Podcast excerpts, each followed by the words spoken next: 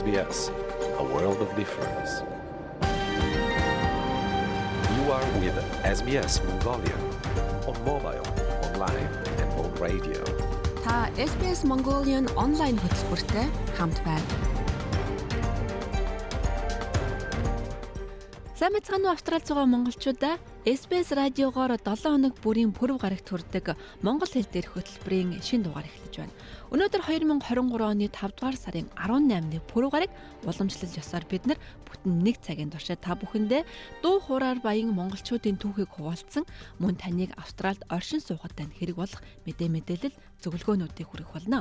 Ингээд уламжлал ёсоор оршин суугаа газар нутагта хүндэтгэл үзүүлцгээе.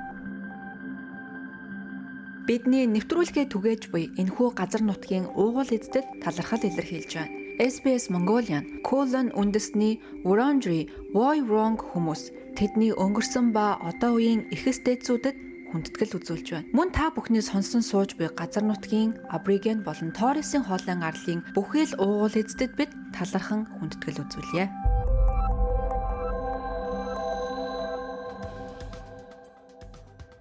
Манай хөтөлбөрийг сонсохоор сувгаад харуулсан суугаа та бүхэндээ баярлалаа.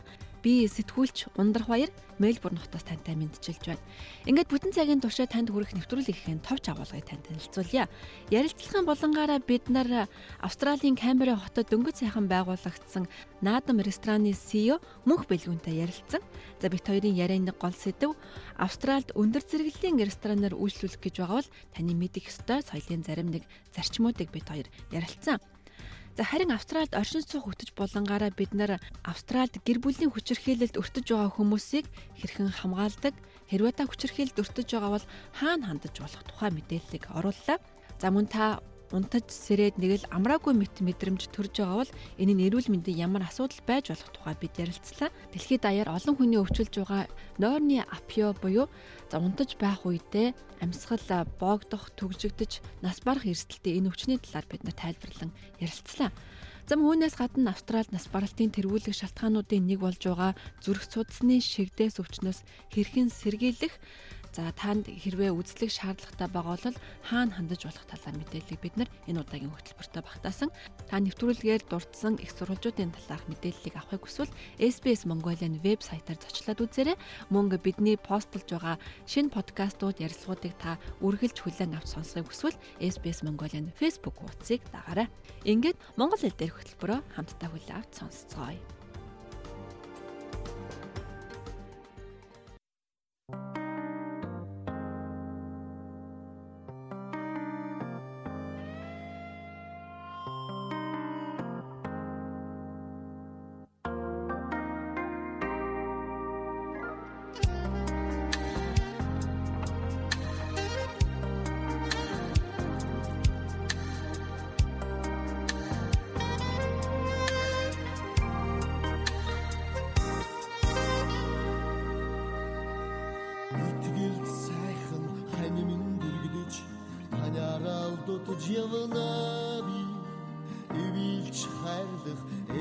bir bayraç Hani gadı böyle de bakı Altının arın geç İlçi gübet sanırına Arımın tavni sarın gileç Görülümün kimer bağırma Geçimin ırksın sen sülüdeç Tandimin hüveyim bağırma тэртээ холом оддын дунд зүдэндээ таныг би үзэлдэ тарян туруу хадуурсан шаргалталчин нүгэлдэнэ дэрсгэн өссөн хонгорнасаа оддын түндээс харагдаа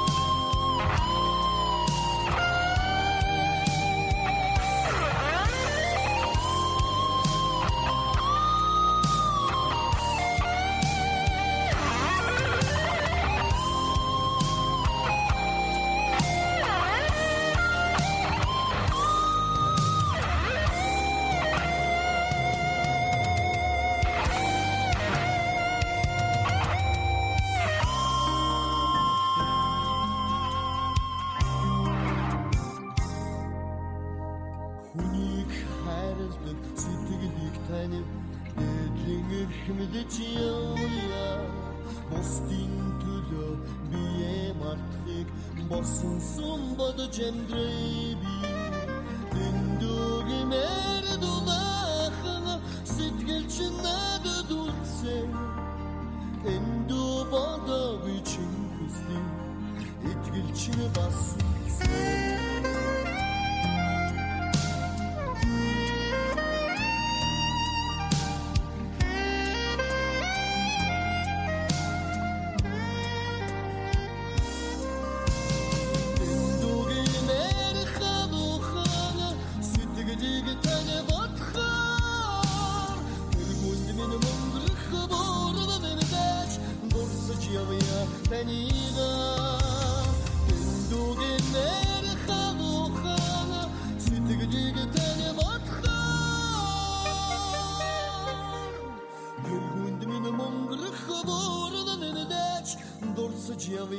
Та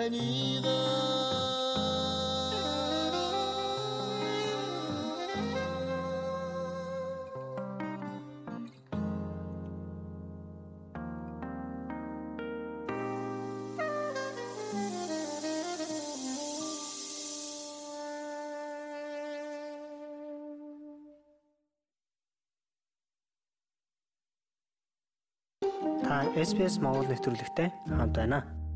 За сайн байцгаана Австрали суугаа монголчуудаа SBS Mongolian та бүхэндээ ээлж бас нэгэн сонирхолтой ярилцлага хүрэхэд бэлэн боллоо. Тэгээ энэ удаад бид нэр Австралийн рестораны соёлын тухайд нэр ярилцахаар бэлтгэж байна. Ингээд манай өнөөдрийн зочноор Австралийн нийслэл Камбера хотод байгуулагдсан Монголын анхны fine dining рестораны CEO Мөнх Бэлгүн урагдаад байна. Тэгээд дахин ярилцахаар урилга хүлээж авсан маш их баярлалаа мөгийн. За баярлалаа намайг бас хүлээж авч энэ тухай ярилцахад зөвшөөрсөнд бас баярлалаа. За баярлалаа. Тэгээд яриагаа би яг танай рестораны тухайд асуугаад тэг хоёул өргөжлүүлж явбал ямар вэ гэж бодож байна. Танай рестораны танилцуулгахдаа би сая fine dining гэж нэрлсэн тий. Тэгэхээр fine dining гэдэг нь ямар рестораныг хэлдэг юм?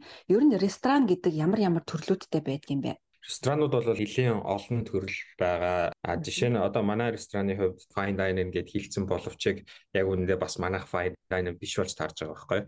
Тэгэхээр тэрнийг яг гаднаас нь хараад хэлэхэд бол бас нэг талаасаа хэцүү одоо энэ индустрид байгаагүй хүнд бол яг шууд за энэ ийм ресторан гэж хэлэхэд бол ялчгүй хэцүүгийн хувьд хэцүү. Гэхдээ тэрнийг олж ялгах талаар би бас нэг ойлголт өгөх гэж оролдъё.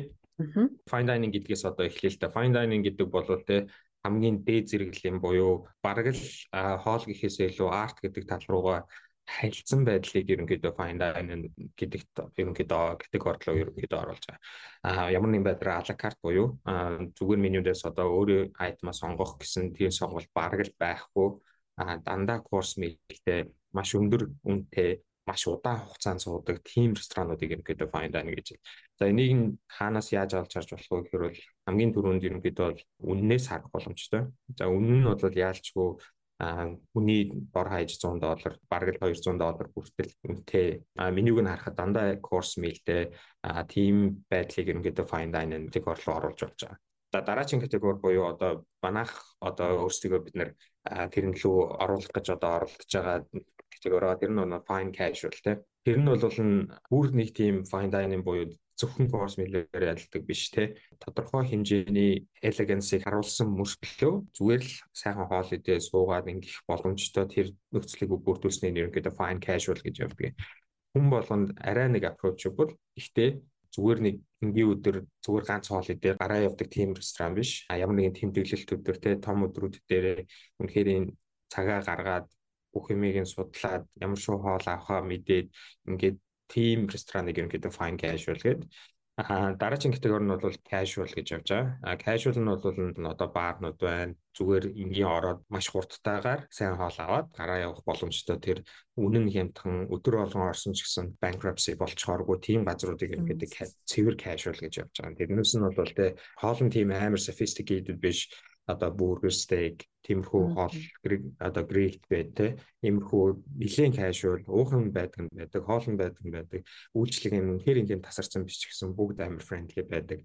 А тэрний доор бол take away буюу кафенууд ерөнхийдөө орж байгаа. Тэр нь бол маш жижигхэн газрууд тэ зүгээр замаараа явж байхдаа нэг кофе аваад өнгөрдөг, нэг ганц снэк аваад өнгөрдөг, эсвэл гял сууга ганц сандвич юм аваад идэж явдаг те декор мекор гэдэг байхгүй зүгээр нэг хідэн сандал ширээнүүд байдаг. Тим газруудыг ерөнхийдөө одоо одоо сүүлийн категори гэх юм уу те. Тэгэж би одоо ерөнхийдөө дөрөв ангилсан байхад ямар ч ресторанд очсон properly буюу одоо тэр ресторанда тохирсон байдалтайгаар орох боломжтой болгоо. Тэгэхээр fine dining, fine casual, casual а тэгээ take away cafe те. Ийм дөрвөн категори байгаа. Маш ойлгомжтой гоё тайлбарлалаа. Баярлалаа мөгийн. За хоёлаа найзтайгаа юм уу эсвэл эхнэр нөхөртөөгөө нэг орой ани гоё ресторанд орё гэж төлөвлөгөө гаргаж байгаагаасаа эхлээд бид нар юун дээр анхаарах хэрэгтэй вэ? Ямар ч ресторанд орсон байсан зүгээр take away shop ч байсан fine dining ч байсан ерөнхийдөө нэг дагаж мөрдөх гэх юм уу эсвэл мэдчих шаардлагатай ганц хоёр юм хэлье гэж бодож байна. Эхний ээлжинд. А тэгээд би яг тэр хоёр категори руугаа төвлөрөөд яривал яаж байна. Тэгээ тэгээ болж байна. За одоо би баг зэргийн яг өөрийн өнцөг буюу одоо ресторанд ажилладаг хүнийхээ өнцгөөс хэлж байгаа хэлж байна. Яг байна. Тэр талаас нь бид нар бас сонсомоор байна. Тий. Яадаг вэ гэхээр зүгээр нэг take away shop ч fine dining ч ресторанд ажиллаж байгаа хүн бол ерөнхийдөө сервис буюу үйлчилгээний ажилчид ер нь бол байдаг. Тэгэхээр ямар ч ресторанд орсон бай тодорхой хэмжээний respect буюу бидний хийж байгаа ажлыг хүндлээд тэр venue-д зохицсон хэмжээний бидний ажлыг ерөнхийдөө үнэлээ явах нь бол хамгийн чухал юм аа гэж би боддог байхгүй юу. Тэгэхээр тэр нь тэр нь юугаараа харагдах вэ гэхээр зүгээр орж ирээ тэр хүмүүстэй яг гаднаас нь хараад ямар төрлийн рестораныг мэдгүй байж болно тэр бол амар acceptable. А гэхдээ ямар нэгэн байдлаар шууд өөрийн дүрмээр биш те шууд assume хийгээд за энэ ийм газар гээд ингээд шууд одоо шууд алхаж ороод энэ гişээрэнд энэ кофе мейкерэн те тэн зогсож байхад эндээс захиалах гэж оролдох ч гэдэг юм уу. Тиймэрхүү юмнууд нь өөрөө тэр хүмүүсийн хийж байгаа ажлыг дараа болохоос гадна зүгээр амар хөдөлгөг байдал харагддаг юм аа. Хамгийн гол нь асуух хэрэгтэй. Би шүү суучих болох уу? Энэ зингээ суудаг юм уу? Эсвэл бол суугаад идэх юм уу? Хаан захиалдгийг гэдэг ийм зүгээр simple жижигхэн асуултууд асууснараа аль аль талдаа за энэ анхудаага ирж байгаа юм байна. Би илүү анхаарал хандуулад бүх юмыг заагаад өгөх хэрэгтэй байна. А эсэргээр нөгөө үйлчлүүлэгч та бодлоо тий. Одоо энд яах юм бол яах вэ, ийх үү гэж ингээд сандар суух шаа. Ерөөсөө шаардлага байхгүй. Нөгөө хүн чинь бүх чинь ингээд аваад явах боломжийг олгож байгаа юм л да. А ямар ч ресторанд орсон байсан тэр бол хамгийн чухал шүү гэж хэлмээр байна. А за Тэгээд fine dining буюу fine casual одоо арай нэг дээд зэрэглэлийн ресторанд орох талаас нь ярил л да. За ийм ресторан руу бол зүгээр нэг алхаж яваад пакет орох нь бол ер нь бол ихэнхдээ ховор ихэнхдээ бол ямар нэгэн байдлаар төлөвлөөд явдаг. Тэгэхээр энэ booking гэдэг юм нь өөр амар том соёлын өөрчлөлт юм юм да. Booking-ийг яаж хийж болно, онлайнаар хийж болно, зар залгаад хийж болно те. Энэ одоо рестораны талаас үйлчлүүлэгчид бүрэн үйлчлэхэд л ерөнхийдөө 100% бэлтгэл байдлыг үзүүлж байгаа юм л та. Орж ирэхэд чинь ямар нэгэн байдлаар тийм confusion үүсэх шаардлагагүй бүх юм чинь бэлтгэсэн байна гэдэг өөрөө аль аль талдаа ямар ч embarrassment байхгүй те санаа зовох ямар ч асуудалгүй болгодог юм а гэдгийг хамгийн түрүүнд ойлгох хэрэгтэй байна. Тэгэхээр хамгийн ихний алхам бол яаж утсан booking хийх нь байх нь. Тэгээд хоёр дахь алхам нь бол ялангуяа зөвөр одоо ийм fine casual fine dining ресторанд орох гэж байгаа тохиолдолд бол менюг нь ерөнхийдөө харчих юм бол яг ямар шүү төрлийн ресторан бэ гэдгийг ерөнхийд нь харахад бол машингийн ядаж орж ирээд одоо асуух асуултуудаа ерөнхийдөө мэдээд авчна гэсэн үг байна шүү дээ. За хоёлаа ингээ букинг хийсэн бидний очих цаг боллоо. Ресторан дотор орж ирлээ. Одоо бид нар захиалга өгөн тийм ээ. Тэгэхээр хоол сонголтын дээр бас зөвлөгөө өгөхгүй юу? Ер нь бол хоолны нэр бол бас тийм нийтлэг нэрнүүд байдгүй. Тэрийг ойлгох, үйлчлэгчтэй харилцах гэдэг бол бас нэг соёл баг шиг байгаа.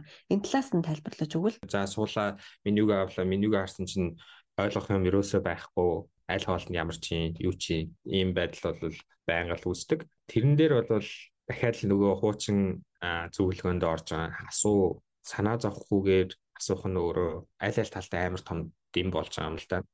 Менюн дээр ерөнхийдөө бол жишээ манай рестораны хувьд бол нэг анч нэг мейн нэг сайд авах юм бол ерөнхийдөө бол нэг хүн хангалттай цаадах байдалтай тийм а дахиад нэг өөр ресторанд орох юм бол дор хаяж 3 анч дараа хаяж 2 мейн авах Аа тэгээд дахиад сайд авах ч гэдэг юм одоо нэг ресторанд орвол бараг 7 хоол захиалах хэрэгтэй. Нөгөө ресторанд орох юм бол 3 хоол авах жишээ нь тий. Тэр бол амар том зөрөөнүүд байдаг учраас аа гол нь асуух хэрэгтэй. Тэр нь юунаасаа ерөнхийдөө харагдах вэ гэхээр бас дахиад нөгөө үнээсээ ерөнхийдөө харагдана. Үнэхээр амар том өндөр үнэтэй мейн байх юм бол ерөнхийдөө бол тэр мейнийг ганцаараа аваад идэхэд хангалттай цадахыг notion-ыг ерөнхийдөө авах боломжтой тий. Гэхдээ server буюу waiter тэр нь байгаа гол шалтгаан нь тий энэ бүх асуудлуудыг тайлбарлаад хийлээд өгөх нь бол тэр хүний ажил учраас тэрнээс санаа зовхгүйгээр сайхан асуух хэрэгтэй л гэж бодож байна. А за нийслэлийн хувьд бол үнэхэрийн асуудалтай. За би одоо рестораны бизнес байдаг хүн мөртлөө ороод менюг нь уншаад ямар шүү хоол гарч ирэх болоо гэдгийг бол бас мэдэхгүй. Тэрнтэд нь асуугаад энэ хоол яг юу юу тэр тийм байж тийм үү те. Тиймэрхүү асуултуудыг бол тавих нь зөв. Хэрвээ үнэхэрийн одоо яг ийм тодорхой хоол идэх зорилготой ч гэдэг юм уу эсвэл яг иймэрхүү тодорхой хоолнд дуртай хүн байх юм бол очихоос өмнө ер нь бол одоо Instagram ч гэдэг юм уу, Facebook ч гэдэг юм уу, тиймэрхүү газраас зургийг харах ч гэдэг юм уу, тийм байдлаар ерөнхийдөө бол баг зэргийн research хийх шаардлага бол гарахын хувьд гарнаа мэдхгүй үг ч гэдэг юм уу тиймэрхүү юм гарч юм бол асуучих. А overall ирж байгаа хоолнд open minded хүлээж авах нь зүг байх болов гэж бодож байна. Нэгэнт одоо ийм өндөр зэрэглэлийн ресторанд бол бид нэ тодорхой хугацаа зарцуулна багада 2 цаг тэрнээс дээшээ бас суух ёстой болох бах. Тэгээд тэр хугацаанд бас уух зүйлээ ч юм уу те эсвэл жижиг нэг хоол бас авах ёстой байхаа. Тэгээд энэ захиалга өгөх дарааллын тухайд бас товч ярил. Тэгэхээр дөнгөж сунгуудаа уух юмны менюг нь а уухныхаа менюг ер нь бол рүүлж хараарай. Заавал юм уух хоол бас алба байхгүй. Тэр бол таны 100% сонголт. Тэгээд үргэлжлүүлээд хоолныхаа менюн дээр арай илүү хугацааг зарцуулах нь ер нь бол зөв байдаг. За тэгээд хоолн дээр бол тийм ресторан болгон бол маш өөр байгаа. Гэхдээ ерөнхий бүхэл менюнууд бол антрей буюу хурдтай гарч ирдэг тийм хоолнууд байгаа тийм. Тэднээсээс бол ерөнхийдөө дор хаяж нэг юм уу хоёрыг бол ерөнхийдөө захиалах нь бол маш зүйтэй. Жирнүүд бол заавал захиалсан дээр яа тэгэхээр том хоолнуудыг бэлдэх хангалттай хугацаа олохын тулд тэр ерөнхийдөө жижиг хоолнууд ерөнхийдөө байдаг. Ийм байдлаар явснараа хоолнууд ямар нэгэн байдлаар тасалдахгүй те. А за тэрний дээр суугаад авахгүй л гэсэн үг юм байна те. Ер нь бол тий хоосон тий яг яг яг зөв а хоосон ширээн дээр суугаад байхгүй. Тийм хоосон ширээн дээр өөрөө суунгууд чинь аль аль талдаа тийм нэг nervous байдал үүсээ те. За хоол хизээ ирэх юм бол гэдэг customer нь бодоод байдаг. Нөгөө талдаа болохоор хоосон ширээтэй суугаад би одоо яах вэ? Юм очиж болгүй очихгүй байж болтгүй те. Ийм нэг хоёр талын nervous байдал үүсээ. Тэгээд тэрнээс тэр оройны experience өөрөө ерөнхийдөө жоохон бууж ирдэг байгаа. Тэгэхээр темплейтийг буюу те хурдан хоолнуудаа хурдан ганц хоёр хоолыг заавал захиалаад том хоолнуудаа үндсэн хоолнуудаа бас захиалаад явах юм бол нэгээс нөгөө рүүгөө сайхан шилжээд цагийг сайхан өнгөрөхөөр илүү анхаарах боломжийг олгож байгаа. Тэгэхээр ер нь ресторанд очиод нэг курс ингээд суугаад гарлаа гэхэд хэд орчим цаг зарцуулна гэж тооцож болох вэ? Fine casual бол ерөнхийдөө дор хаяж болвол цаг 30 минут зарцуулна гэж тооцсон нь бол ер нь бол зөв.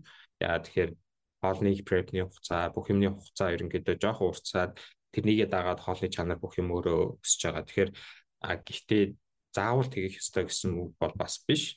Үнэхээр гэс хоол идэ ганц уух юм аваад гараа явах боломж бол байгаа. Үнэхээр тэр рестораны үйлчлэгээ бүх юмыг 100% мэдрийа гэж бодож байгаа бол дор хаяж нэг 50 минут суугаад хоолоо баг багаар олон корсор нэг ирдгийг нь сонгоод тех нь бол маш зөв. Fine dining гэдэг бол тэр оройны ерөөсөө 100% experience байна гэсэн үг. Тэгэхээр энэ бодлоор дор хаяж 2-оос 3 цаг. Бид нар Австралид ер нь тип өгөх ёстой байдгүй. За Австралийн хувьд бол тип гэдэг юм бол заавал шаардлагатай бол юм бол ерөөсөө биш байгаа. Үнэхэрийн цаг хугацаа чинь гой байгаа тэр хоол бүх юм ингээ гой байсан болвол өхөн үнэхэрийн гой байлаа гэдгийг л зүгээр илтгэж байгаа. Тэгэхээр заавалчгүй өгөх шаардлагатай гэж бити бодорой. Гэхдээ үнэхэрийн цаг хугацаа чинь гой өнгөрсөн бол өхөн өөрөө маш том илэрхийл юм аа л гэж хэлмээр байна. Тэр типний хувьд бол. За тэгээд Австралид амьдарч байгаа бид нарт маш хэрэгтэй мэдээлэл зөвлөгөөг өгсөн мөгөд баярлалаа. Та нар рестораны үйл ажиллагаа бас дайггүй сайн явж байгаа юу? Тэгээ одоо ерөнхийдөө хүмүүс мэдээд ялангуяа камерагийн хувьд бол амд амжих гэдэг бол хамгийн том жижиг хотод явд учраас хамгийн том маркетинг орж ирж байгаа хүн болгоо ерөнхийдөө бол үнээс олсон байдлаар ерөнхийдөө орж ирж байгаа. Тэгэхээр сүүлийн 2-7 хоног болоод өсөж байна. За тэгээд бизнес нөө амжилттай явж байгааг сонсоход маш их баяртай байна.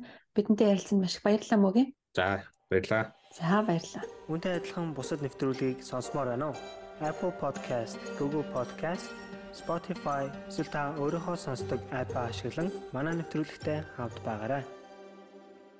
Та SBS Монгол нэвтрүүлэгтэй хамт байна. Гэр бүлийн болон бэлгийн хүчирхээлэл нь Австральд томоохон асуудал юм. Австралийн 5 хүн тутмын 2 нь 15 наснаас хойш бие махбодын болон бэлгийн хүчирхээлэлд өртсөн байдаг гэсэн статистик мэдээ байдаг. Гэр бүлийн хүчирхээлэлд хэн ч өртөж болгоч цагаач эмэгтэйчүүд тусламж авах шаардлагатай үедээ нэмэлт саад бэрхшээлтэй тулгардаг юм. SBS Монгол нэвтрүүлэгтэй хамт байна. Бусад сонирхолтой нэвтрүүлгүүдийг SBS.com.cg Mongolian вебсайтаас хүлээн аваарай. Саяхны хүртэл гэр бүл гэр бүлийн хүчирхийллийг нийгмийн асуудал биш тухайн хувь хүний асуудал гэж үздэг байлаа. Гэхдээ статистик нь тодорхой байна. Австралид олон хүн гэр бүлийн гишүүнийхээ хүчирхийллийн золиос болсоор байна. 6 эмэгтэй тутмын 1 18 эрэгтэй тутмын нэг нь хамтран амдрагчдаа бие махбодын болон бэлгийн хүчирхээлэлд өртсөөр байна. Өмнөд Австралийн их сургуулийн хүүхэд хамгааллын төвийн гэр бүлийн хүчирхийллийн мэрэгжилтэн доктор Наза Ибрахим гэр бүлийн хүчирхийлэл олон хэлбэрээр илэрч болно гэлээ. The issue of family violence it's actually an umbrella term that is used for Гэр бүлийн хүчирхийллийн асуудал бол гэр бүлийн болоод гэр бүлийн орчинд тохиолдож байгаа аливаа хүчирхийлэлд хэрэглэгддэг ерөнхий нэр том юм. Үүнд хүүхдийн хүчирхийлэл, ахмад насны хүчирхийлэл, ах トゥ угийн эцэг эхийн гих мэт гэр бүлийн орчинд тохиолдож болох аливаа хүчирхийллийг багтаана. So any form of violence that really happens in a domestic setting. Гэр бүлийн болон бэлгийн хүчирхийллийн хохирогчдын дийлэнх нь эмэгтэйчүүд байдаг. Хүчирхийллийн сэтгэл зүйн хүчирхийлэл, санхүүгийн хүчирхийлэл, дарамт шахалт, албадан хяналтандаа байлгах гэх мэт олон өөр хэлбэртэй байж болдог. Доктор Ибрахим хэлэхдээ зарим хүмүүс хүчирхийллийн тухай дэндүү хууч ирсэн ойлголттой байдаг бөгөөд зөвхөн бие махбодны хүчирхийллийг л хүчирхийлэл гэж ойлгох нь бий. Identify Заримдаа тодорхой соёлын улмаас бие махбодын хүчирхийллээс гадна гэр бүлийн хүчирхийллийг тодорхойлох боломжгүй болдог. Бие махбодын хүчирхийлэлнүүд нь ил харагдах учраас таньж мэдэж болдог. Гэвч зарим тохиолдолд үүнийг тодорхойлоход маш хэцүү байж магадгүй юм. Ялангуяа хил амаар доромжлох, сэтгэл зүйн хүчирхийлэл, санхүүгийн хүчирхийлэл, нийгмээс тусгаарлах гэх мэт зүйлсийг олж тогтооход амаргүй байдаг social abuse which is where they are isolated from communities. Зарим тохиолдолд шашны ихтгэл үнэмшил гэр бүлийн дарамт шахалт нь гэр бүлийн хүчирхийллийн нөхцөл байдлыг улам хөндрүүлдэг. Австралид цагаач дөрвөгчдийн нийгэмдэх гэр бүлийн хүчирхийллийн асуудлаар мэрэгсэн энэ тооч зэрэг олон байгууллагууд байдаг. Ану Кришнан бол гэр бүлийн хүчирхийллээс урьдчилан сэргийлэх болон бусад асуудлаар хил соёлын ялгаатай үйлчлүүлэгчтэй илүү сайн харилцахад тусалдаг компанийн захирал юм. Тэрээр цагаачлан амьдрахад ирдэг элдв дарамт нь заримдаа гэр бүлийн хүчирхийллийн үндэс байж болдгийг анхааруулж байна. Migrant communities they have the added stress Цагаачдын нийгэмлэгийн хувьд тэд шинэ соёлд тасах, амьдрах, өөртөө тохирсон ажил олох, ажил мэргэжлийн боломжоо олох зэрэг нэмэлт стресстэй амьдардаг юм а. Бүх нийтээрээ хүчирхийллийн эсрэг хамтарсан цагт л бид үүнээс салж чадна гэж хадагтай Кришна нь онцолж байна. There has to be a lot of support Бидэнд маш их дэмжлэг хэрэгтэй байдгаа. Тэгж байж л эмэгтэйчүүд тусламж хүсэхтэй, зоригтой, бас өөртөө ихтгэлтэй байж чадна. Мөн гэр бүлийн хүчирхийлэлд өртөж байгаа эмэгтэйг нийгэмд хаягдсан мэт сэтгэгдэл төрүүлэхгүй тулд олон нийтийн дэмжлэгийг дээшлүүлэх хөтөлбөрүүд байх шаардлагатай. Дотны хамтрагчийн хүчирхийллийн талаар мэдээлэхэд санаа зовсноосоо болж эмэгтэйчүүд ихэвчлэн дугаан өнгөрдөг. Бид энэ ичгүүрийг арилгаж тэднийг буруутгах ёсгүй гэдгийг олон хүнд ойлгуулах хэрэгтэй. Цагаач эмэгтэйчүүд тусламж авахд илүү олон саад бэрхшээлтэй тулгардаг.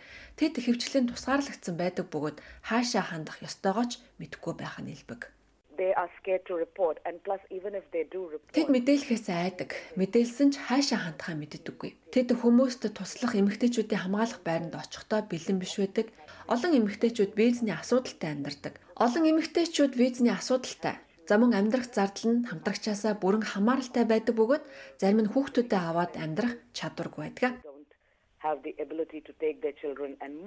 Wendy Lobwen бол шинээр ирсэн цагаачдыг энд суурьшихтанд дэмжлэг үзүүлдэг Австралийн Ames байгууллагын эмэгтэйчүүдийн эсрэг хүчирхийллээс урьдчилан сэргийлэх хөтөлбөрийн ахлах менежер юм. Тэрээр хэлэхдээ эрэгтэйчүүд ч гэсэн эдгээр санаачлагад хамрагдах нь чухал юм гэлээ. Men can really play such an important role. Эрэгтэйчүүд үн үнэхээр чухал үр гүйцэтгэдэг бөгөөд энэ нь эрэгтэй эмэгтэй хүмүүсийн хоорондох хүндэтгэлтэй харилцаа эмэгтэйчүүдэд хүндэтгэлтэй хандах хандлагыг сурталчилж эмэгтэйчүүдийн эсрэг хүчирхийллийг үл тоомсорлдог хандлагыг үгүй хийхэд чухал нөлөөтэй байдаг. Одоогоор гэр бүлийн хүчирхийлэлд өртсөн цагаач эмэгтэйчүүдэд үзүүлэх хэд хэдэн үйлчилгээ байдаг. Эдгээрийн ихэнх нь бүх хил дээр орчуулагчтай хамтран ажилладаг учраас та хэлний бэрхшээлтэй санаа зовхгүйгээр хандаж болно. Хэрвээ та гэр бүлийн хүчирхийлэлд өртөж байгаа бол энэ тухайгаа эхлээд GP-ийн эмчтэй мэдэгдэж тэр танд зөвлөгөө өгч холбогдох үйлчилгээнд шилжүүлэх боломжтой. Хэрвээ та шууд аюултай тулгарсан бол triple zero буюу тэг тэг тэг гэж залгаад эргэлзэх зүйлгээгээр тусламж хүсээрэй. Олон эмэгтэйчүүд энэ асуудалд цагдаа оролцоход айж байгаагаа нуулгүй хэлснийг бид мэднэ. Энэ нь гэр бүлээ сүрэлэх, магадгүй салахын эхлэл болно гэж тэд боддог. Гэвч цагдаа нар гэрлэлт, харилцаа таслахын тулд бус харин хүмүүсийн аюулгүй байдлыг хангах үүднээс арга хэмжээ авдаг юм а. Үүнийг ямар ч аргаар хийж болно. Хүмүүсийг аюулгүй байлгахын тулд цагдаад найдаж болох тул та тэг тэг тэг гэж залгаарай please call 000. Хэрвээ та гэр бүлийн хүчирхийлэлд өртсөн эсвэл таны танд хэн нэгэнд ийм асуудал байгаа бол respect 18 тэгтэг утсанд холбогдож тусламж авах боломжтой. Хэрвээ танд сэтгэл зүйн дэмжлэг хэрэгтэй байгаа бол Lifeline 1311 14 эсвэл Beyond Blue 18 тэгтэг 22 46 36 дугаарын утсанд холбогдож болно танд орчуулагч хэрэгтэй байгаа бол 13 14 50 дугаарын утсаар холбогдоорой. Бид дараагийн дугаартаа цагаачлалын лицензтэй зөвлөх үйлчилгээ үзүүлдэг Заяата хийсэн ярилцлагыг хүргэх болно.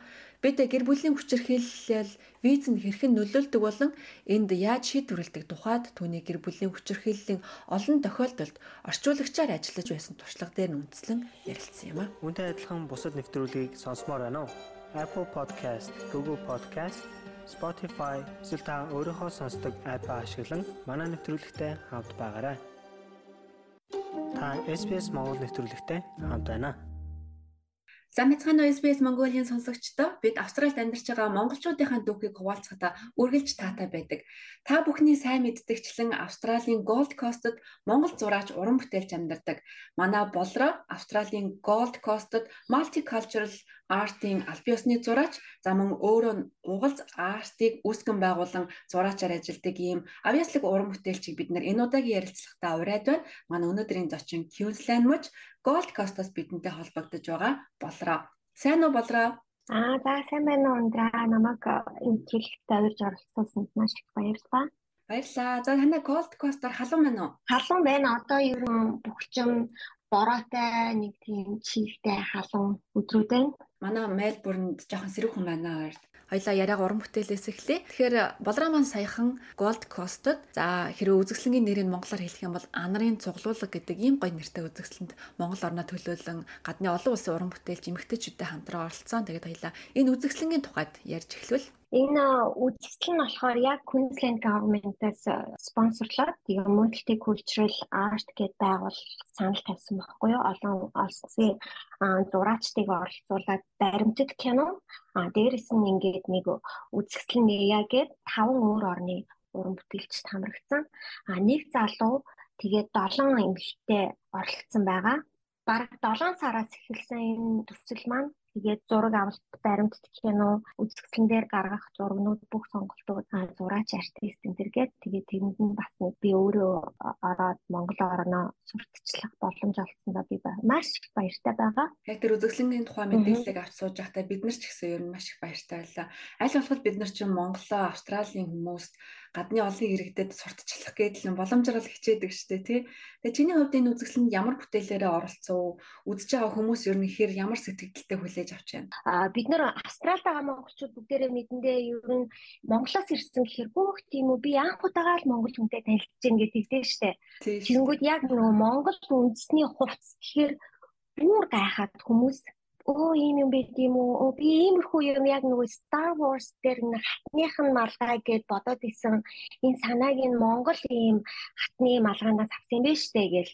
Ер нь ингээ гих мэдчлээ тэгээд нөгөө мэдээлэл маягаар ингээд яасандаа би айгүй баяртай байгаа Аа би уул нь зураг яг зурж эхэлж байгаад би Монгол яг бүх үндэсний сүүчүүдийн нөгөө нэг хамгийн нөгөө нэг том гоёлын толгоонд байдаг штеп малгай зүйлт гээд эхлүүлсэн байхгүй яг энийгээ. Тэгээ одоохондоо хоёр хаалх Тэгээд бурайд дарган гэдэг ингээд дөрвөн бүсгүйн зураг зурсан байгаа. Тэгээд энэ дөрвөн бүсгүйгээ дөрүүлэнгийн үзэсгэлэн дээрээ тавьсан байгаа. Бусад уран бүтээлчдийн тухайд ямар хүмүүс байв? Орон орны соёлын ялгаатай байдлыг бас тэндээс харж болох үз үзэсгэлэн болсон болов уу гэж би хувьдаа бодоод байна. Тий, бусад зураачд маань бүгдээрээ Афган, Хазар энэ төргээ янз бүрийн орноос ирсэн бусад орны улсууд миний хамгийн эмзэглсэн юм гэхээр яг баримтат киноныхын нээлт нь Queensland парламент ордонд болж байгаа байхгүй юу. Тэгээд ингээ үзээ сууж байхад тэр бусад орны гэрт нь ингээ дайн болж байгаа. Тэгвэл ингээ дөрвөөд ирсэн ингээ дөрвөстэй камп гэдэг энэ нөгөө нэг Brisbane дэдэг байхгүй юу. Тэгэл тэнд ингээ дөрвөстэй кампт байж ахтаа ингээ гинт зурж эхэлсэн ч гэх юм уу. Амар хэцүү айгүй хэцүү сэтгэвтэй айгүй юм ярьж исэн. Тэгээд би нөгөө дунд нь би ингээ бодсон. Гинт ямар гоё би чи Монгол хүн өөрийн гэсэн нутаг дэвсгэртэй те. Ингээд тусгаар тогтносон улсын те ямар ч асуудалгүй ийм улсын хүн гэдэгтээ аягүй бахарсан. Яагаад гэвэл миний бичлэгэн дээр би юу хэлж гинөө гэсэн чинь би ер нь Монгол орноо санаал би зүгээр засаа санаал тэгэл зурж эхэлсэн ч юм уу те нэг тийм арай гэгээлэх ч юм уу нэг тийм болсон. Баяртай мэдрэмж, сонир мэдрэмж те нээлттэй ажиллагаа бас нэлээд ач холбогдол өгч танаа мужийн ерхий сайд ирсэн гэж байсан тий. Тий. Манай мужийн ерхий сайд ирсэн э, сонир болгоод хэлэхэд би аавдаа хэлдэг байхгүй. Аваа охин нь ингээд ийм юмд орсон шүү. Тэгээ манад ингээд Queensland мужийн манай мужийн ерхий сайд ирж үзсэн гэсэн чинь манай аав суусан. Аа тийм үү. Тэг монголоор одоо аймгийн засаг байгууллага нэрээд Нөгөө улсын юу аяг шал ондоо нөгөө Монгол тийм мууч гэхээр Монгол. Тийм мууч болгон ерөхий сайтай зэрэгэл мууч болгон өөрийн гэсэн дүрмтэй хуйлтай гэд ингээд яхаар манай тэг жилдээ гэнэттэй. Болроо аль нутгаас ирсэн бэ? Би өөр Улаанбаатар хотод төрөөд Улаанбаатар хотод олгосон Бахтайргийн охин байгаа. А манай гэрийнхэн бүгдээрээ Сүхбаатар аймгийн. Тийм болохоор би тэр нэг дарган эмэгтэйг зурсан. Би нөгөө эмээг итгэхийн дурсгал зориулж зурсан. Манай эмээ дарган талхан, дарган хүүчүүд, дарган хүүчүүдийн гоёл гэж аюу их ярьдаг байсан. Тэгээд тэрийг нь зурсан. А хэрвээ манай монголчууд тэр зургийг мань харсан бол тэр долоон бурхан од байгаа. Сүхбаатар аймгийн даргангийнхан ялангуяа Оо долоон бурхан одмын ч юм уу хүмүүс нөгөө э бурхан гэдэг штеп. Тэгэхгүй нөгөө долоон бурхан одмын өршөө ч юм уу тэгж ингэж ерөөдөг, залбирдаг. Тэгээ уулга алдахта чирийг нь бодоод би ингээд зургандаа долоон бурхан од тусгаад ч юм уу ер нь ингээд нэг юм гоёлоосоо гадна дээрээс нь бас нэг ингээд жоохон жоохон юм тийм тодтогоод дурсамжтай тий тодтогоод ард нь яваад идэг байгаа. Тэгвэл болоо даригангийн урчуудын удан байх нь шүү дээ. Австралид ирсэн уран бүтээлээ хийж байгаа. Аа тийм бах та. Тэгээ манай манай удамд ердөөсөө тийм уран дархан байгаагүй. Тэгээ ер нь манай монголчууд бүгдээрээ их гарын дүүтэй хүмүүс шүү дээ. Аа. Болроо урд нь зурдаг байсан уу? Эсвэл энд ирснийхаа дараа зурж эхэлсэн үү? Ер нь зурж өөрөө л зурдаг гэхээс би ер нь яг урлагийн сургууль, зургийн сургуульд бол зураагүй би Австралид 2011 онд ирсэн баггүй юу? Тэгээ бизнес коллеж төгсөөд энд дэдэг Aldi гэдэг штэ. Aldi супермаркет. Тэрний main office нь ажиллаж агаад нуруу айгүй хүнд гэмтээгээд манай иймч надад зөвлөсөн чи өөрөө ингээд гоё юм зурх ч юм уу юм оёх ийм дуртай те тийм байсан бол тэрийгээ ингээд хийж болно шүү. Арт терапи маягаар гээд тэгэнгүүт нь би нөгөө угал заарт гэ фэйсбүүкээ нэгээд а эхлээд би гэрээ гойсээ. А хээ энэ төр зураад ингэжсэн би ингээ хүмүүстэй хуваалцмаар санагдаад хүмүүс нөгөө санаа өгөөд манай монголчууд ч бүгдээрээ гоё зурдаг. Өөрийн гэсэн авьяастай хүмүүс юм чинь зураарай гэд тэгээ угал заартаа эхлүүлсэн. Би ингээ амар гайхсан ингээд ийм байгууллага надаа манай артист болооч гэж санал тавиад тэгээ би өө би одоо яг тийм сургуулийн юм төгсөөгүй штэ би болж байгаа мó гэд чи бол тэгэл артист штэ чиний зургууд чинь бүгдээрээ бол яг хангалттай байна. Тийм болохоор манайх ингээд амар баяртай гарч чамд ингээд өөртөө санал тавьж байна. Манай артист болооч гэгээд ийм тэгээ манай байгууллага дөрвөн артисттай яг ингээд байгуулгын артист байна гэхээр заавалчгүй ингээд офис дээр суугаад ингээд зураад байх биш. Аа зүгээр гэртээ өөрийнхөө юмыг ингээд хийгээд байгаад бийж болдог. Аа тэнгүүд бусад одоо энэ Queensland байдаг бусад байгууллагаас манай байгууллага руу одоо санал тавьдаг.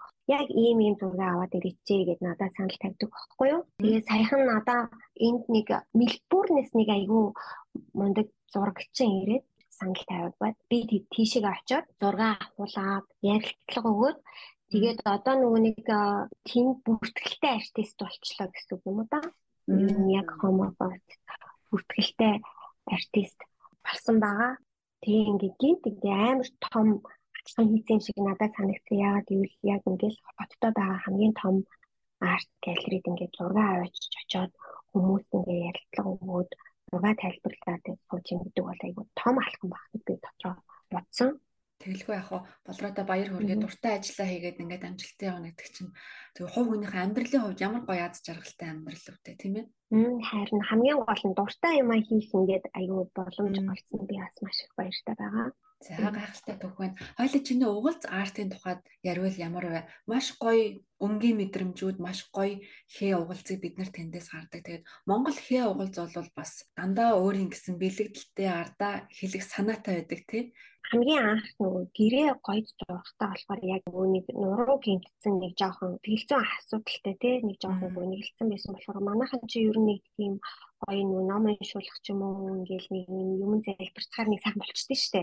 Аа. Тэгээ миний тэр утгаараа ч юм уу нэг юм яг үүдэн дээрээ би нэг очир үлцийнхээ энэ төр зурж тавьж исэн үлцийнхээ чинь болохоор эрдэм мэдлэг эд хөрөнгөтэй аж аргалын бэлгэлсэн аюу мундаг. Юутай болроо бас өөрийнхөө гэртээ маш гоё монгол гэртээ бэлгэлж бичлэгээс харахад.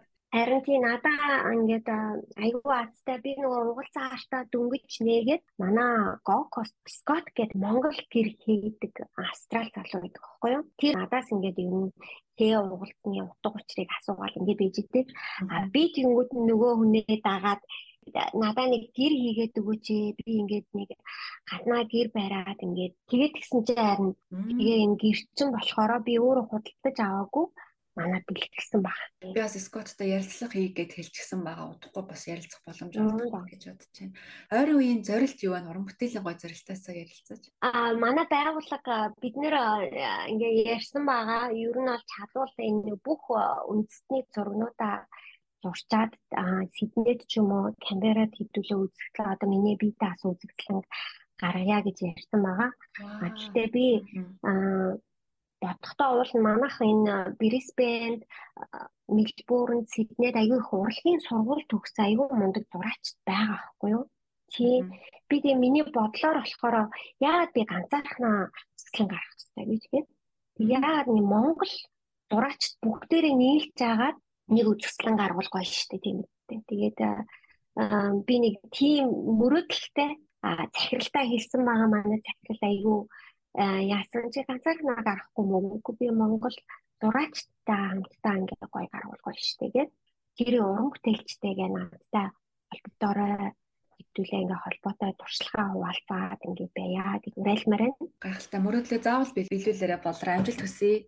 Дараагийн ярилцлагаар хоёулаа Австралид амьдарч байгаа Монгол уран бүтээлчдийн зургийн үзэсгэлэнгийн тухай ярих юм билүү. Тэр цаг удахгүй ирэх байх гэж байна. За баярлалаа. За баяртай. Баяртай. Австрали улсад амьдарч эхлэх гэж байна уу? Хэрэгтэй мэдээллийг SBS.com.cg юу? Уршаа зураас Mongolian хуудасаас хүлээн авах нь.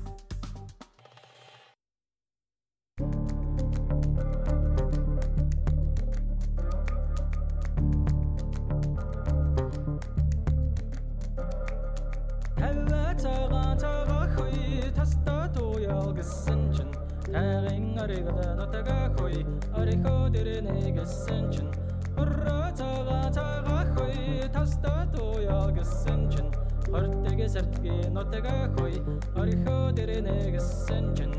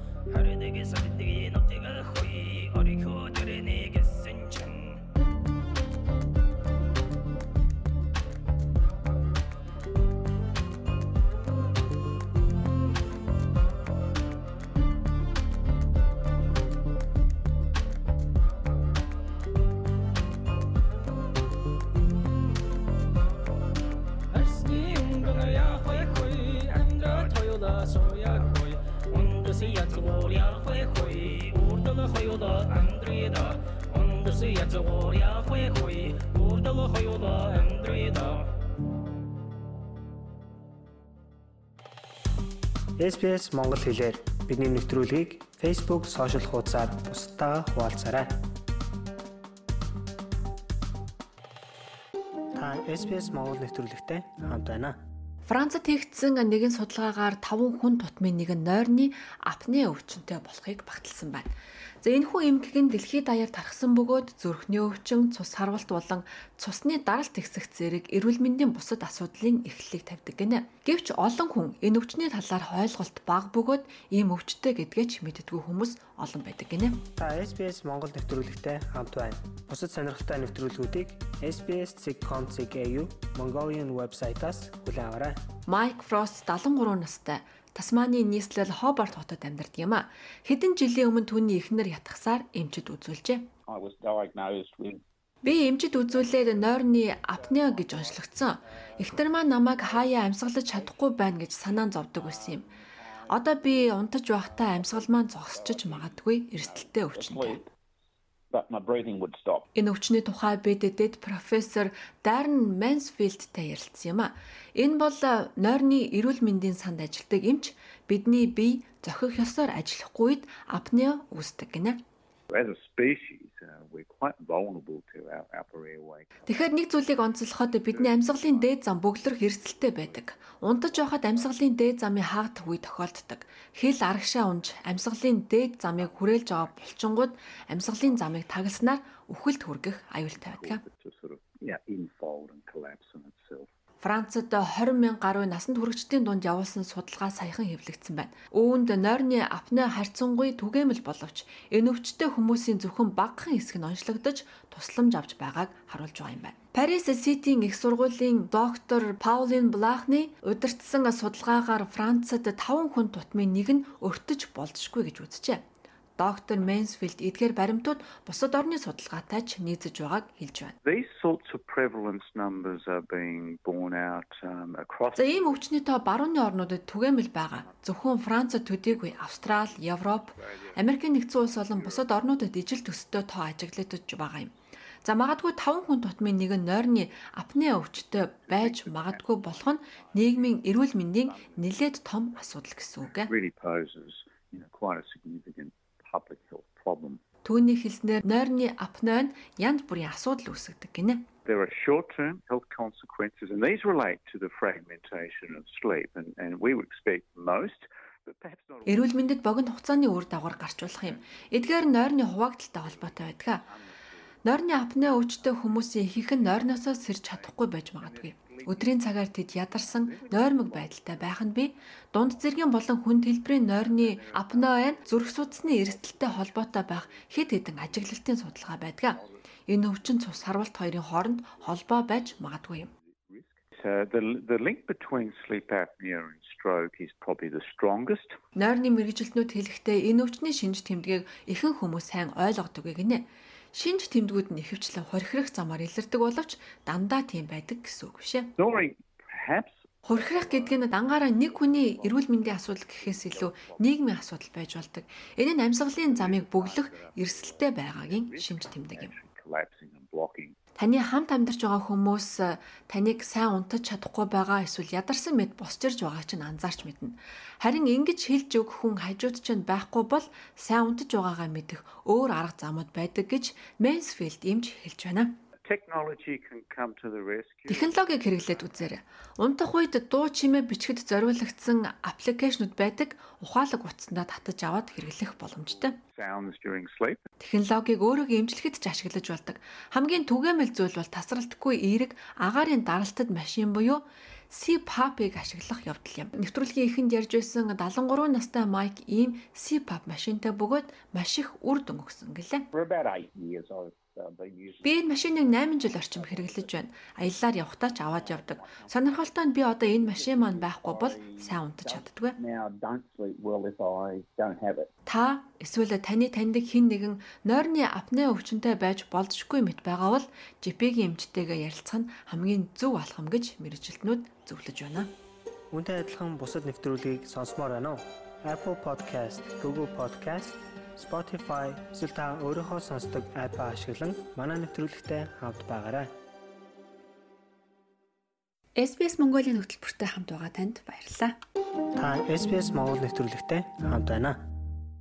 Австралид онлайн аюулгүй байдлыг хангах үүднээс авч болох арга хэмжээний нэг нь хэрэглэгчид өөрийн үнэмлэх зарим мэдээлэл шалгуулдаг болох гэж байна. Учир нь танилцах аппликейшнаар дамжуулан бэлгийн хүчирхийлэл хийх гэмтэрэг буурахгүй байгаа учраас ийм арга хэмжээ авахар төлөвлөжээ. Өнгөрсөн 7 хоногт болзооны аппликейшн нийлүүлэгчид, засгийн газар болон олон нийтийн төлөөлөгчид Сидней хотод уулзаж бэлгийн хүчирхийллийн түвшинг бууруулахын тулд тэд юу хийж болох талаар ярилцжээ. Болзооны аппликейшнаар дамжуулан хэн нэгэнтэй харьцаад бэлгийн хүчирхийлэлд өртсөн хохирогчдын та урд өмнө байгаагүй их болжээ.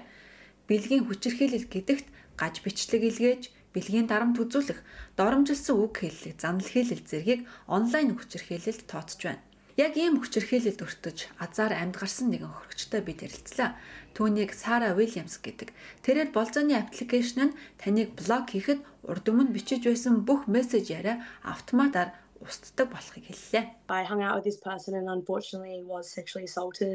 Um Би нэг хүнтэй танилцаад анхудаа уулзахдаа харамсалтай нь бэлгийн хүчирхийлэлд өртсөн. Энэ тухайга 7 хоногийн дараа цагдаад мэдгэтгэхэд өнөө хүнтэй хизээ нэгэн цагт ярилцаж байсан, өмнө нь уулзахаар төлөвлөж байсан гэх мессеж яриаг нотлох баримт болгон харуулахыг хүссэн.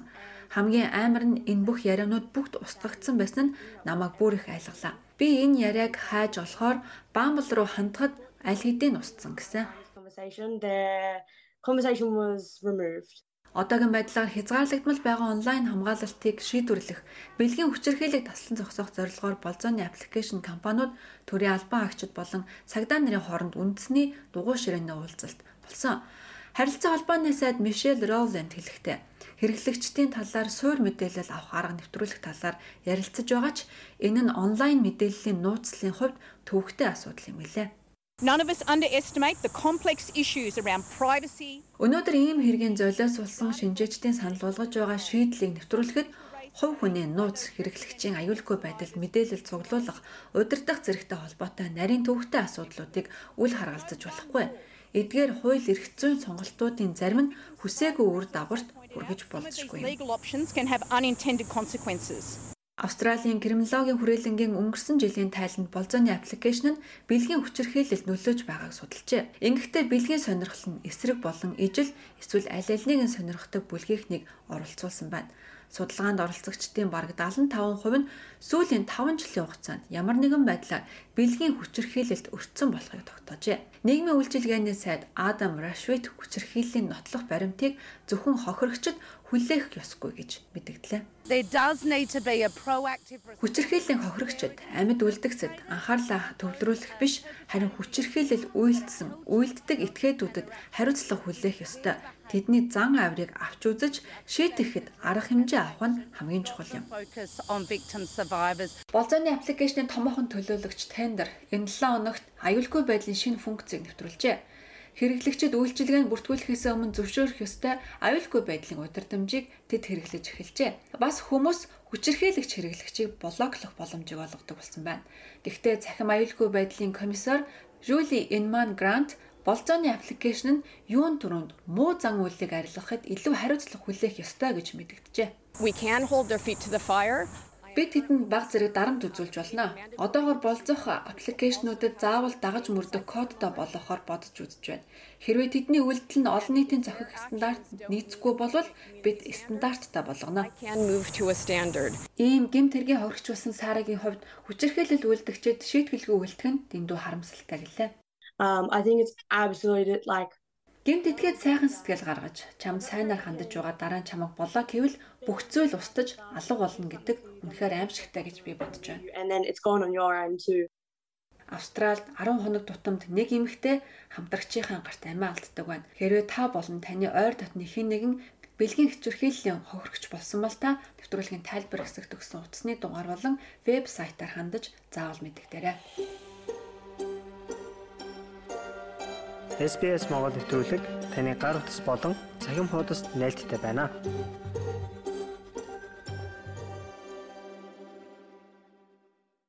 Та SBS Монгол нэвтрүүлэгтэй хамт байна.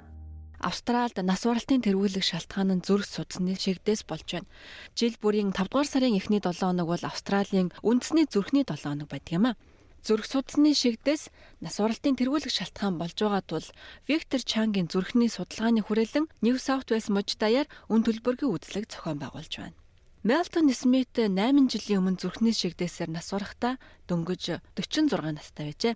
Түүний эхнэр Никол эмгэнэлт өдрийг инхүү дурсаж байна.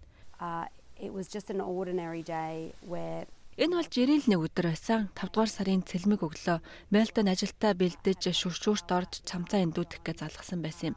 Ажилдаа явхад бараг бэлэн болсныхан дараа угаалгын өрөөнөөс нэг чимээ гарахыг нь сонслоо. Тэнд очиход аль хэдийн оройтсон байсан. and by the time I got there it was already too late. Түүний том хүүхэд Ноа 9 настай байжээ. Normally I'd go up and. Ер нь би сэрээд орноосоо босч аавда өглөөний мэд гэж хэлдэгэ. Харин тэр өглөө тэгээгүй. Би орондоо хөвтөд үргэлжлүүлэн уншихаар шийдсэн юм. Гэвч би үндэ дандаа харамсав. Түүнийг зүрхний шигдээсээр өвдөх өндөр эрсэлтэй гэж үзэж байгаагүй гэж эхнэр нь ярьж байна. He cycled uh, almost every day and uh, Тэр бараг өдөр бүр дугуундаг 45 нас хүртлээр яг би тоглосон. Маш сайн хоололдог, маш сайн алхдаг, хүүхдүүдтэйгээ их гүйдэг, байнга серфинг хийдэг байсан. ran around with the kids a lot, surfed a lot. Гэвч зүрхний шигдээс хэнийгч ялгадаггүй гэж зүрх судасны эмч Джейсон Ковачич ярьж байна. Энэ нь эрүүл чирэг бие балдартай хүмүүст тохиож болцгүй юм. Тиймээс GP-тэй үзлэгт хамрагдаж эрсдэлт хүчин зүйлийг анхаарч үзэх нь манай нийгэмд хүн бүрийн хамгийн чухал зүйл юм а. Виктор Чангийн зүрх судасны хүрээлэнгийн мэдээлснээр зүрхний шигдээс нь Австралд эмнэлэг твтэх болон нас барах гол шалтгаануудын нэг болж өдөрт дунджаар 19 хүн нас бардаг байна. Жил бүр ойролцоогоор 57 мянган австралчууд зүрхний шигдээс өвчнөөр өвчлөж байна. Харин 430 гаруй мянган австралчууд амьдралынхаа туршид зүрхний шигдээсээр хизээ нэгэн цагт өвчлөж байсан байдаг. Үүнтэй тэмцэхийн тулд тус хүрээлэн эх 2 сарын хугацаанд шинэ өмнөд байсан мужийн 15 байрлалд зүрхний эрүүл мэндийн үзлэгийг үн төлбөргүй зохион байгуулж байна.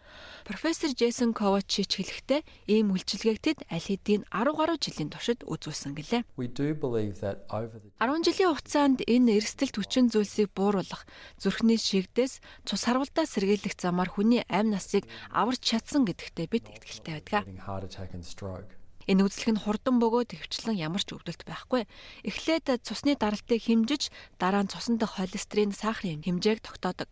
Ингээд 5 минут хүрэхгүй хугацааны дараа та GP-ийн эмчтэйгээ уулзаж, нэмэлт шинжилгээ хийлгэх шаардлагатай эсхийг тань хэлж өгнө. Виктор Чангийн зүрх судалгааны хүрээлэнгийн Анастасия Домнос хэлэхдээ үр дүнд нь олон хүний амьдралыг өөрчилсөн гэлээ. At least like 35% of the people that we test Бидний шинжилгээнд хамрагдсан хүмүүсийн дор хаяж 35% нь GP-ийн эмч нартай хандах хэрэгтэй гэсэн дүн гардаг. Энэ нь тэдний эрүүл мэндэд анхаарах хэрэгтэй гэсэн үг бөгөөд энэ нь нэлээд өндөр тоо юм. За үнэндээ ковидоос хойш бид 45-аас 50 орчим хувь нь болж өсөж байгааг харж байна. Drastically to around 45 to 50%. Никол Смит хэлэхдээ боломжтой бол хүн бүр шинжилгээ хийлгэх хэрэгтэй гэж байна. Энэ боломжийг ашиглаад зүрхнийхээ эрүүл мэндийг шалгуулаарай. Учир нь бидэн шиг зүйл болохыг бид хизээч мэдэхгүй шүү дээ. end up being us. Үүнтэй адилхан бусад нэвтрүүлгийг сонсомоор байна уу? Apple Podcast, Google Podcast, Spotify эсвэл та өөрийнхөө сонсдог апп ашиглан манай нэвтрүүлэгтэй хавд байгаарай. SBS радиогийн монгол хэл дээрх хөтөлбөртэй хамт байсан танд баярлалаа. Ирэх 7 хоногийн пүрэв гарагт 2 цагт эргээд уулзцагаая. Түр баяртай.